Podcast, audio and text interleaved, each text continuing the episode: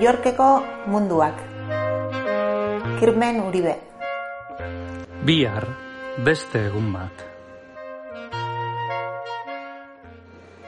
Ozik etorri zen semea eskolatik. Lagun berriak egin ditut gaur. Kimberly eta Justin. Alaiak dira eta eskuzabalak. Futbolean beti pasatzen dute baloia.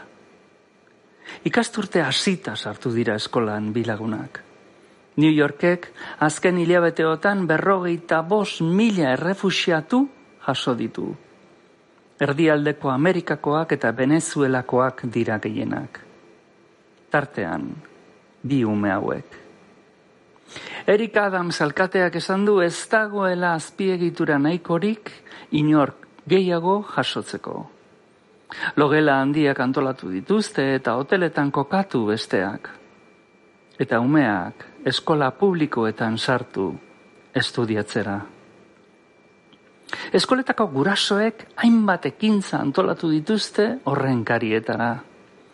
Neguko arropa bildu, janaria, jolasak, eta benetan aipagarria den mañana, otro dia, egitasmoa jarri dute abian.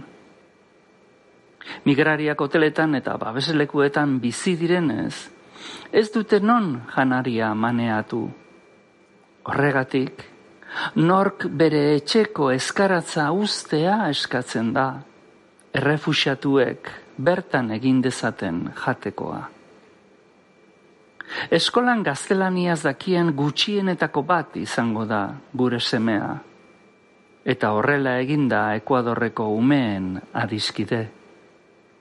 Eta historio berri bat ekartzen digu egunero etxera, bere lagun berrien sorterrietako jartzunak, errealitate latzenetik jaiotako umorezko perlak.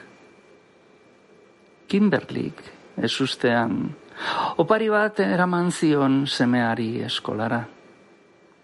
Zu izan zara nire lehen laguna hemen. Ingeles ez itzik ez nekienean jaramon egiten zenidan. Eta eskerronez. Txokolatezko tarta txiki bat oparitu zion. Amak egindakoa. Norbaitek utzitako sukaldean laberatutako gutizia.